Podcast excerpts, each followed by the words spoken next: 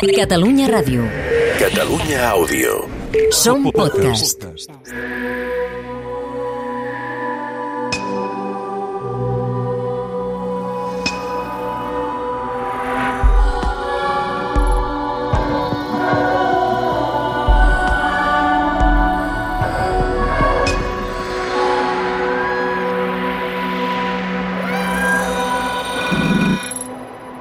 Senyors, a mi la dita oració me la mostrà la Caterina, perquè la digués a ma filla, la qual tenia jo malalta.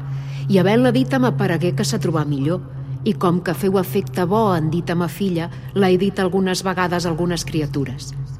I en haver-los dit a l'oració, se trobaren millor. L'última bruixa. Episodi 8.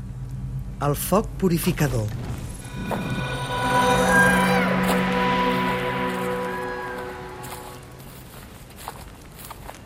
He vingut fins aquí, guiada per la llum de la foguera. Caminava perduda enmig de la foscor quan, després d'un revolt, ha aparegut un punt de llum. Era tan petit que he pensat, és un miratge. I sense tancar els ulls per por a perdre'l i no trobar-lo mai més, he caminat cap a ell, decidida, fins que a poc a poc s'ha anat fent més gran. Sí, hi ha llum, hi ha gent. Un punt de llum en aquesta nit sense lluna és un senyal que diu «Vine», que diu «Ja estàs salvada». He sortit del camí i m'he llançat en línia recta cap a la llum. I he arribat fins aquí. Biosca, la Sagarra, any 1806. I no, no era la llar de foc d'una casa on trucaré perquè m'acullin aquesta nit, no. No era tampoc la crema de rostolls d'un pagès ni el foc de camp d'uns pastors que potser compartiran el seu menjar amb mi. No, és una foguera. És una foguera enorme, aquí, al costat d'una font. Quanta gent hi ha? Com a molt una trentena, però fa de mal comptar. El vent fa canviar el foc de direcció i ara ens il·lumina uns i ara il·lumina els altres. Veig rostres durs, rostres cansats, rostres treballats, ara amb la mirada fixa al foc. Hi ha també algun nen de la mà del seu pare i d'altres que llencen pedres a la foguera. Jo tampoc puc treure els ulls de la foguera. Una dona darrere meu em xiu-xiueja a l'orella. D'on has sortit, tu, forastera?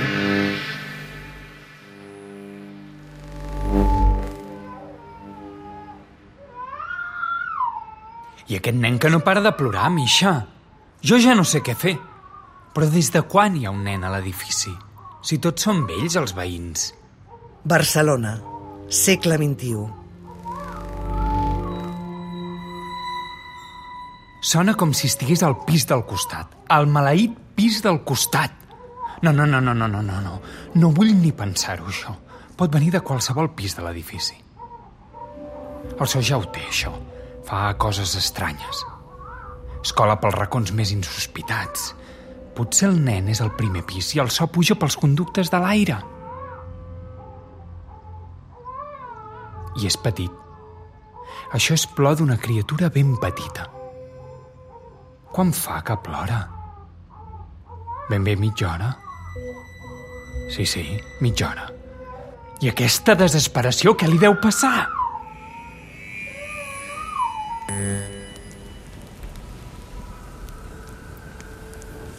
Allà hi ha un home amb sotana?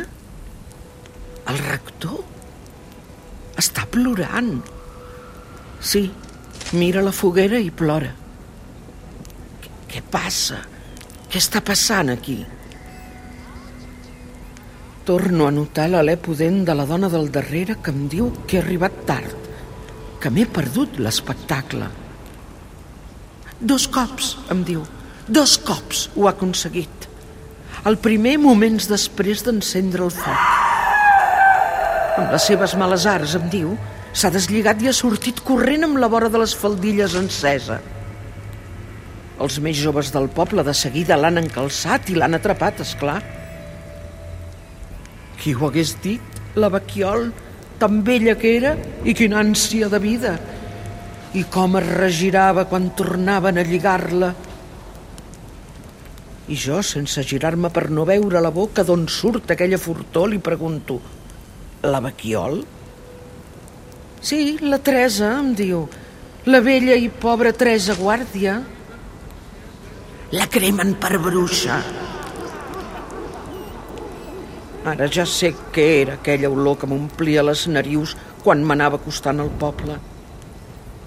Aquesta olor com... com... de porc rostit. Era la llevadora de Biosca, em diu. Ha fet néixer alguns dels que avui l'han cremat a la foguera.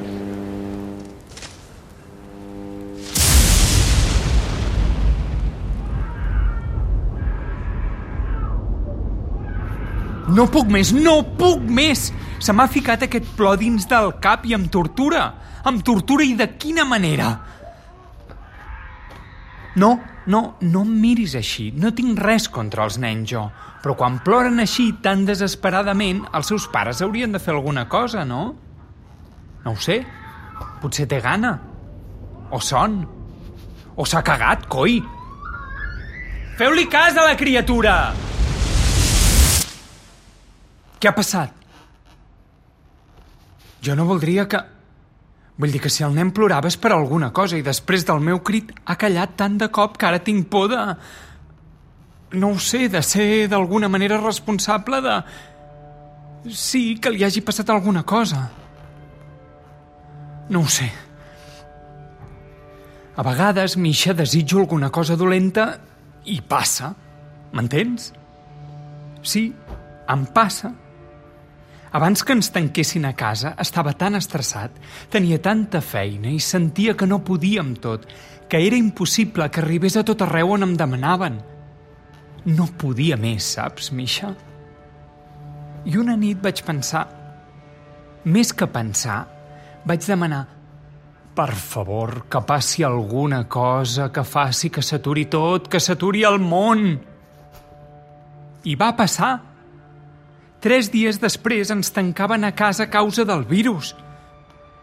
I va començar a morir gent, Misha! Potser ha sigut culpa meva, culpa meva! A veure, centrem-nos. Que no tens tant poder com et penses. A vegades les coses passen per casualitat. I jo no crec en les casualitats, Misha. No existeix la casualitat. En tot cas, algú tan insignificant com tu com pots pensar que s'ha aturat el món perquè tu ho vas demanar? Hi havia un nen plorant i ha deixat de plorar, de cop. De cop, entens? I potser jo, desitjant que callés, li he fet algun mal, m'entens? Només em falta això, a mi ara, que tal com em van les... Potser és mort. Potser s'ha ofegat en les seves llàgrimes, no ho has sentit a dir, això? Es va ofegar en les seves llàgrimes, sí. I tant. Plores tant que t'ennuegues. Plores tant que les llàgrimes passen per l'altre forat i t'ennuegues. I t'ofegues, i no pots respirar. I llavors... I llavors et mors. I llavors aquest nen que plorava potser és mort. Ho veus com no? Ho sents? Ho sents, oi? Ho sento perfectament. És horrorós, però demostra que no tens cap mena de poder. No l'he mort! No l'he mort! El segon cop ha tornat a deslligar-se no se sap com i ha tornat a córrer esperitada. El foc li havia desfet el monyo i li cremava tota la cabellera. Tenia llengües de foc en lloc de cabells. Ella cridava de dolor i els nens també cridaven. Bruixa, bruixa, bruixa! L'han deixada córrer una estona per riure fins que ha caigut a terra. Llavors els dos Mossos més forts del poble l'han agafat de mans i peus i l'han llançat a la foguera una altra vegada. i ja no n'ha tornat a sortir. La dona pudenta parla i parla i jo penso una llevadora. Han cremat a la foguera una llevadora i com si pogués sentir els meus pensaments, la dona pudenta em diu no neixen gaires nens a la zona últimament i la Baquiol, per viure, havia de pidolar casa per casa. Quan algú no li volia donar res o li dava poc, segons el seu parer, marxava dient «Vos asseguro que me la pagareu». Sempre deia el mateix i això ens feia riure. Fins que fa poc més d'un mes es posà malalt el fill gran de Can Fornet i va morir. Ai, las, en aquella casa van recordar les paraules de la Baquiol. Vos asseguro que me la pagareu. I la van anar a buscar. Ella tornava del bosc, de buscar llenya. La van agafar, la van lligar un roure i li van donar una pallissa. A la nit es va poder deslligar i va anar a buscar refugi a casa del rector. Fins ahir. Imagino que ja estava recuperada de les ferides i ha pensat que ja no hi havia perill i ha tornat cap a casa seva. Però l'estaven esperant i l'han dut fins aquí. La pila de llenya ja estava preparada feia dies.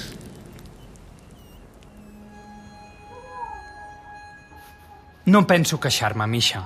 Mira, boca tancada. No vull ser responsable... I si l'han deixat sol a casa? Això passa? Sí, passa. Potser fa hores que l'han deixat sol a casa, pobret. Quan s'ha de trucar a la policia? Quant temps ha de passar fins que sigui lògic trucar a la policia? I què els dic? Que hi ha un nen que no para de plorar? No, no, no, no, no. Picar al pis del costat no ho penso fer. A més, estic gairebé segur que no ve del pis del costat. No. Si t'hi fixes bé, ve de més avall. Et dic que no ve del pis del costat. No tot el que passa i que és estrany ha de venir del pis del costat. Si d'aquí una hora continua plorant, trucaré a la policia, d'acord? I tant que aquest plor ve del pis del costat. Tinc un mal pressentiment. Ei, no marxis, Misha, on vas? Jo no he dit res ara, no he estat jo.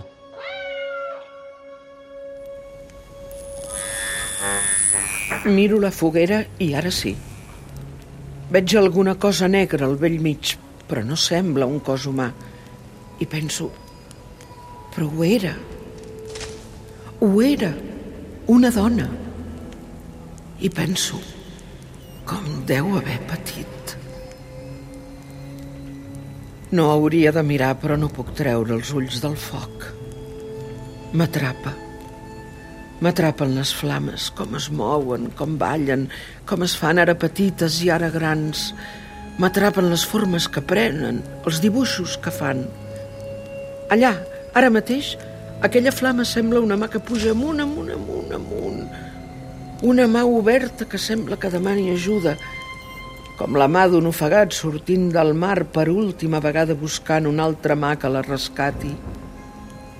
Allà sota, unes flametes pugen i baixen, s'amaguen i tornen a aparèixer.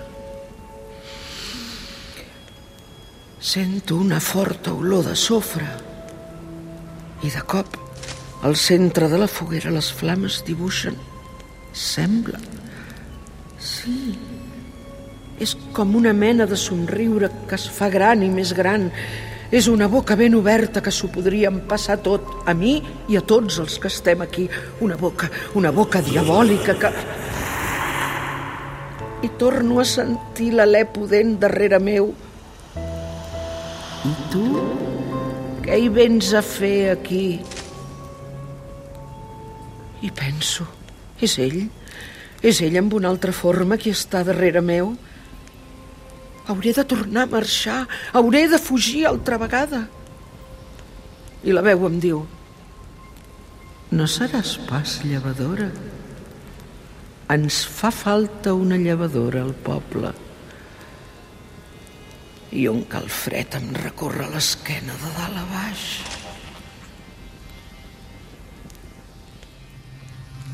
Un calfred m'ha recorregut l'espinada. I això és un mal senyal. Pressento que... No. No vull ni pensar-ho. No. D'aquesta manera hi ha menys possibilitats que es faci real.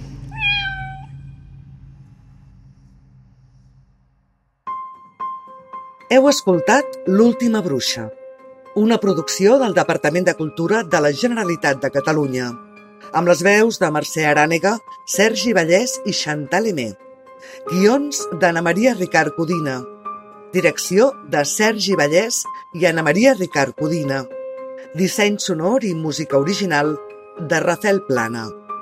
Postproducció sonora de Rafael Plana i Adrià Martínez Casorla. Fotografia de Pep Salvat. Grafisme de Lídia Sardà. Una proposta de Cabuts amb la col·laboració d'ICAT, l'emissora cultural de Catalunya Ràdio. Catalunya Ràdio. Catalunya Àudio. Som podcast. podcast.